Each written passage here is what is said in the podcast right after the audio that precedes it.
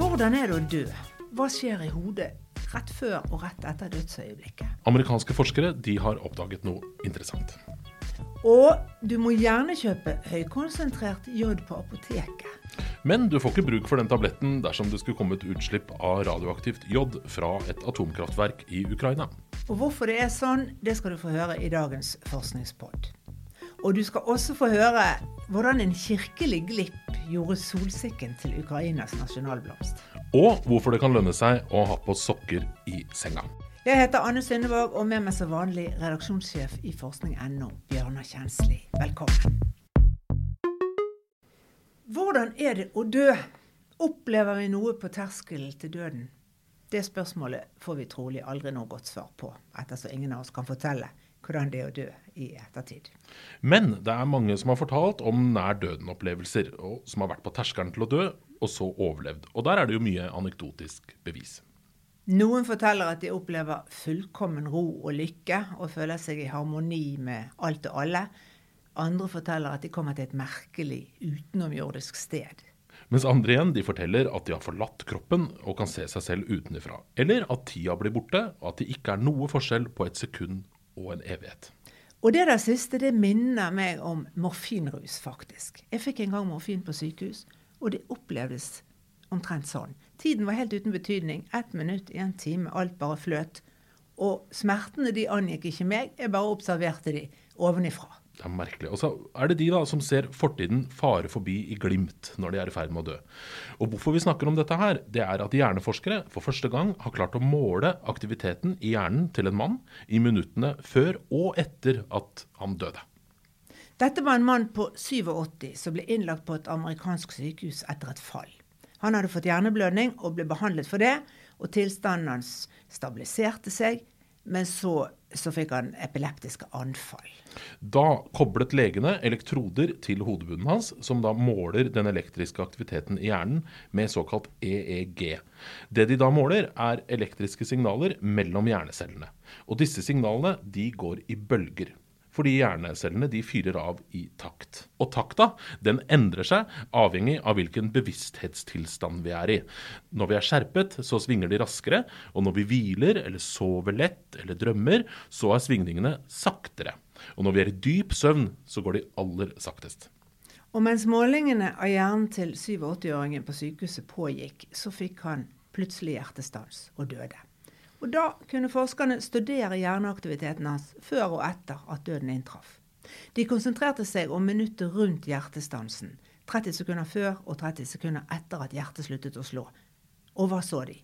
Jo, noen sekunder før hjertestans så øker aktiviteten veldig. De raskeste hjernebølgene, som kalles gammabølger, de tiltar i styrke, mens de mer langsomme bølgene avtar.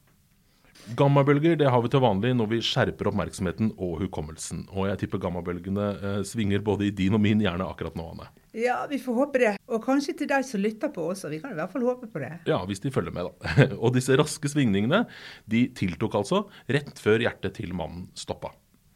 Og det som var enda mer overraskende, sier en av hjernekirurgene bak studien, er at også etter hjertestansen når hjertet ikke lenger pumpet blod til hjernen, så fortsatte de raske gammasvingningene. Ikke så kraftig som før, riktignok. All aktivitet i hjernen sank etter hjertestansen. Men de raske gammabølgene de holdt ut lengst. Og Samtidig så registrerte de også noen langsommere bølger, det som kalles alfabølger, som påvirket gammabølgene. Alfabølger det har vi når vi er avslappa og hviler eh, uten at vi sover, sånn som når vi sitter og tenker eller prøver å huske noe. Så er spørsmålet om forskerne ut fra dette kan si noe om hva 87-åringen opplevde i sekundene før og etter hjertestansen. Ja, og Det er jo kontroversielt, for som sagt, vi kan jo ikke akkurat spørre folk etter at de er døde. Men hjernekirurgen som var med og behandla 87-åringen, og som også er en av forskerne bak denne studien, han heter Ashmal Semar, og hans kollegaer, de drister seg utpå og sier det er fristende å spekulere på om våre funn understøtter at livet kan gå i revy i dødsøyeblikket, sånn som mange som har vært nær ved å dø, har fortalt om, skriver de. Og så viser de til en studie av rotter som peker i samme retning. Her avlivet forskere ni rotter som var bedøvet, samtidig som de målte hjerneaktiviteten med EEG. Og de så også økt gammabølgeaktivitet etter hjertestans. Og hjernekirurgen eh, Semmar selv han mener eh, at deres funn kanskje kan gi litt trøst til fortvilte pårørende som får dødsbudskapet. Noe vi kan lære av denne forskningen, sier han, er at selv om våre kjære har lukket øynene og er klare til å forlate oss for å hvile, kan det hende hjernen deres spiller av noen av de fineste øyeblikkene i livet deres, sier han i en pressemelding.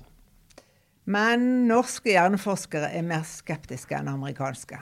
Johan Fredrik Storm ved Universitetet i Oslo sier at det ikke er rart at bølgemønsteret i hjernen forandrer seg når blodtilførsel strupes. Men om personen har opplevelser knyttet til det, det kan vi umulig vite, sier han. Det kan være en mulighet, men det er veldig usikkert. Storm han viser også til en belgisk studie av nær døden-opplevelser hos folk som overlevde hjertestans. Her var det ganske få som sa at de hadde nær døden-opplevelser, og av dem igjen var det bare én av åtte som opplevde at livet gikk i revy.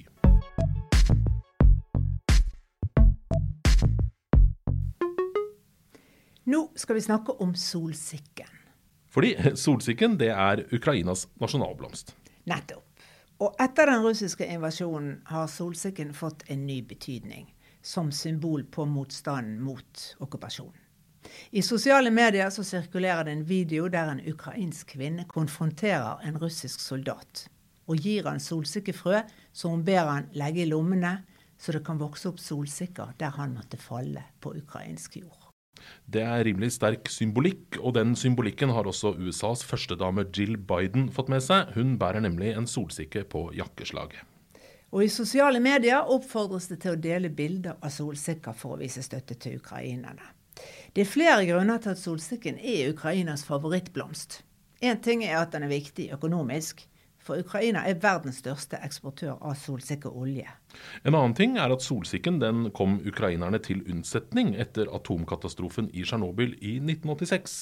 For røttene til solsikka den har den evnen at de trekker til seg tungmetaller fra jorda. De renser jorda veldig effektivt, altså. Og det ser du hvis du brenner solsikka etterpå.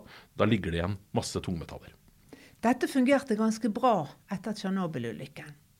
Og japanerne forsøkte det samme etter ulykken i Fukushima. Men da gikk det ikke så bra. Men det skyldtes at de brukte feil art solsikke, sier botaniker Charlotte Sletten Bjuro til forskning.no. Og så er det et historisk bakteppe for solsikkas popularitet i Ukraina også. Ukrainerne og russerne er jo ortodokse kristne som tradisjonelt faster fra askeonsdag til midnatt på påskeaften. Dvs. Si at de spiser ikke kjøtt eller fisk eller fett i 40 dager. Og det gjorde de i den lutherske, lutherske kirken også i tidligere tider, men tradisjonen har altså levd mye lenger i den ortodokse kirka. Og nå til poenget. Det som skjedde, det var at patriarken, altså kirkesjefen i Russland og Ukraina i sin tid, på 1700-tallet, lagde en svarteliste over all mat som folk måtte styre unna på middagsbordet i fasten. Og så glemte de solsikke. Ja, nettopp. Og de frøene de er jo fulle av olje. Eh, og sånn ble solsikka så populær at den gikk inn som en naturlig del av kostholdet i Ukraina.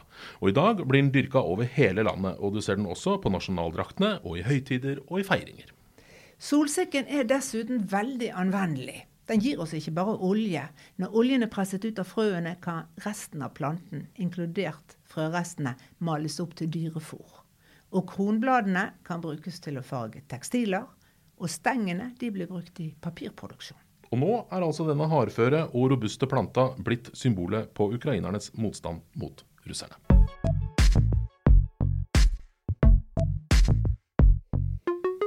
Imens her hjemme så må apotekene rasjonere på jodtabletter og begrense hvor mange pakker folk får kjøpe for å unngå hamstring. Da snakker vi altså om de høykonsentrerte jodtablettene Jodix, som skal beskytte oss mot radioaktivt jod dersom det skjer en atomulykke. Men hvis bakgrunnen for denne hamstringen er krigen i Ukraina og kjernekraftverkene der, så er det feilslått. Skulle det skje et utslipp i Ukraina, så trenger vi faktisk ikke Jodix i det hele tatt. Og grunnen til det er at Ukraina er langt borte. Selv om det skulle bli et stort utslipp og vindene skulle blåse fra sørøst, så vil det ta to døgn før de radioaktive stoffene når oss. Og da vil radioaktivt jod være så uttynnet at det neppe blir behov for disse tablettene. Det sier seniorrådgiver i Direktoratet for strålevern og atomsikkerhet, Ingrid Dypvik Landmark, til forskning.no. Men likevel så vil Direktoratet for strålevern at vi skal ha Jodix i skapet hjemme. Men det er fordi det kan være nyttig dersom det skjer radioaktive utslipp nærmere oss. Sant? Sverige har jo kjernekraftverk, men viktigere er det kanskje at atomubåter farter opp og ned langs kysten vår. Ja, og Skulle det skje en ulykke med disse, da vil Jodix være lurt å ta. Men først og fremst for barn og unge og gravide. Har du runda 40, så er det liten vits. Har du runda 60, så er det ikke noe vits i det hele tatt. Og det har med biologien vår å gjøre. Nærmere bestemt med skjoldbrukskjertelen som sitter foran på halsen nedenfor strupehodet. Skjoldbrukskjertelen trenger jod for å lage stoffskiftehormoner. Og stabilt jod, som altså ikke er radioaktivt, det får vi gjennom kostholdet. I salt og i hvit fisk f.eks. Og at barn og unge er mest utsatt for kreft i skjoldbruskkjertelen ved et radioaktivt utslipp, det har en naturlig forklaring. De har nemlig et stoffskifte som går på høygir, for de skal jo vokse og utvikle seg. Så deres skjoldbruskkjertel suger til seg all jod den kan få tak i. Og hvis unge mennesker blir utsatt for radioaktivt jod, så vil skjoldbruskkjertel suge til seg det også. Og da vil det ligge og stråle vevet rundt og gi kreft i skjoldbruskkjertelen. Men hvis du da tar stabilt jod i store mengder, sånn som det er i tablettene fra, som heter Jodix, som da er høykonsentrert, så vil en sånn tablett mette skjoldbruskkjertelen din i 24 timer. Og hindre at radioaktivt jod blir sugd opp av kjertelen. Veldig, veldig smart. Mm. Men godt voksne mennesker de har da ikke en like sulten skjoldbruskkjertel. Så det er et mindre problem. Den tar ikke opp noe særlig radioaktivt jod hvis du ikke har jodmangel. da. Og man har heller ikke kunnet påvise noen økning av kreft i skjoldbruskkjertel hos voksne i området rundt reaktoren i Tsjernobyl etter ulykken der. Ja, Men for barn så er bildet et helt annet. 4000 barn i nærområdet i Ukraina, Hviterussland og Russland fikk kreft i skjoldbruskkjertelen pga. radioaktivt jod som lekket fra den reaktoren i Tsjernobyl. De fleste overlevde, men de sliter med bivirkninger og må ta stoffskiftehormoner resten av livet. Det døde mange voksne også etter Tsjernobyl-ulykken, ikke minst redningsarbeidere, av strålingsskader. Men for de så var det ikke radioaktivt jod som var forårsaket døden og var problemet. Etter eksplosjonen så ble det sluppet ut over 100 andre forskjellige radioaktive stoffer, og de fins det ingen piller mot, sier Landmark. Derfor er den viktigste anbefalingen å holde seg innendørs etter en atomulykke eller et atomangrep. Heldigvis så har mange av de radioaktive stoffene så kort halveringstid at de blir ufarlige etter et døgn. Så det er bare de som er aller tettest på ulykka som blir alvorligst rammet. I Norge ble det heller ikke registrert noen økning i kreft i skjoldbruskkjertel etter Tsjernobyl-ulykken. Men radioaktivt cesium, derimot, har vært et problem for dyr og planter i Norge helt siden ulykken i april 1986. For cesiumisotopen den har en halveringstid på 30 år. Ja, Det er veldig lenge. Radioaktivt cesium det havna da i jordsmonnet. Så sommeren og høsten etter ulykken i 1986 så måtte det slaktes tusenvis av beitedyr her i landet som ikke kunne spises fordi de var for radioaktive. Og fortsatt, selv om det nå er gått 36 år siden Tsjernobyl, så kan det i noen deler av landet, som Valdres og Trøndelag, fortsatt være radioaktivt cesium i planter og dyr. Spesielt i sopp. Derfor anbefaler Mattilsynet, spesielt i gode sopper, at dyrene blir tatt av beite og blir fôret med spesialfôr i en tid før slakting.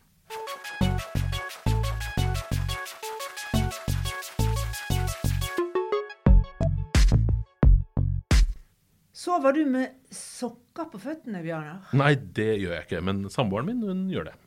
Ja, hun har kanskje skjønt det. For det skal være en god idé hvis du har problemer med å sovne eller sover for lite. I hvert fall hvis vi skal tro søvnforskeren Øystein Vedå. Forklaringen er at varme føtter bidrar til å trekke blodet ut i huden, og da synker kroppstemperaturen.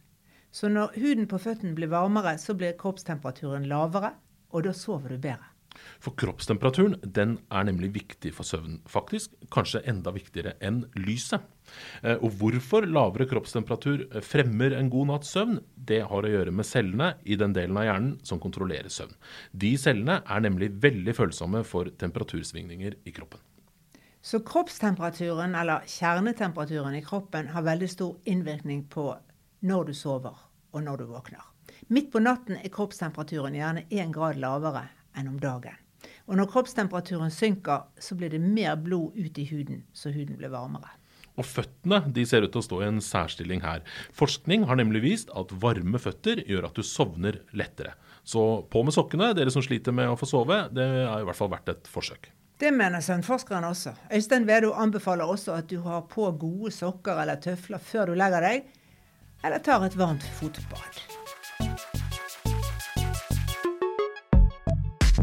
Og med det så takker vi for denne gang. Forskningspodden er laget med støtte fra forskning.no, og podkasten er laget av Anne Synnevåg og Bjørnar Kjensli. Takk for at du hører på.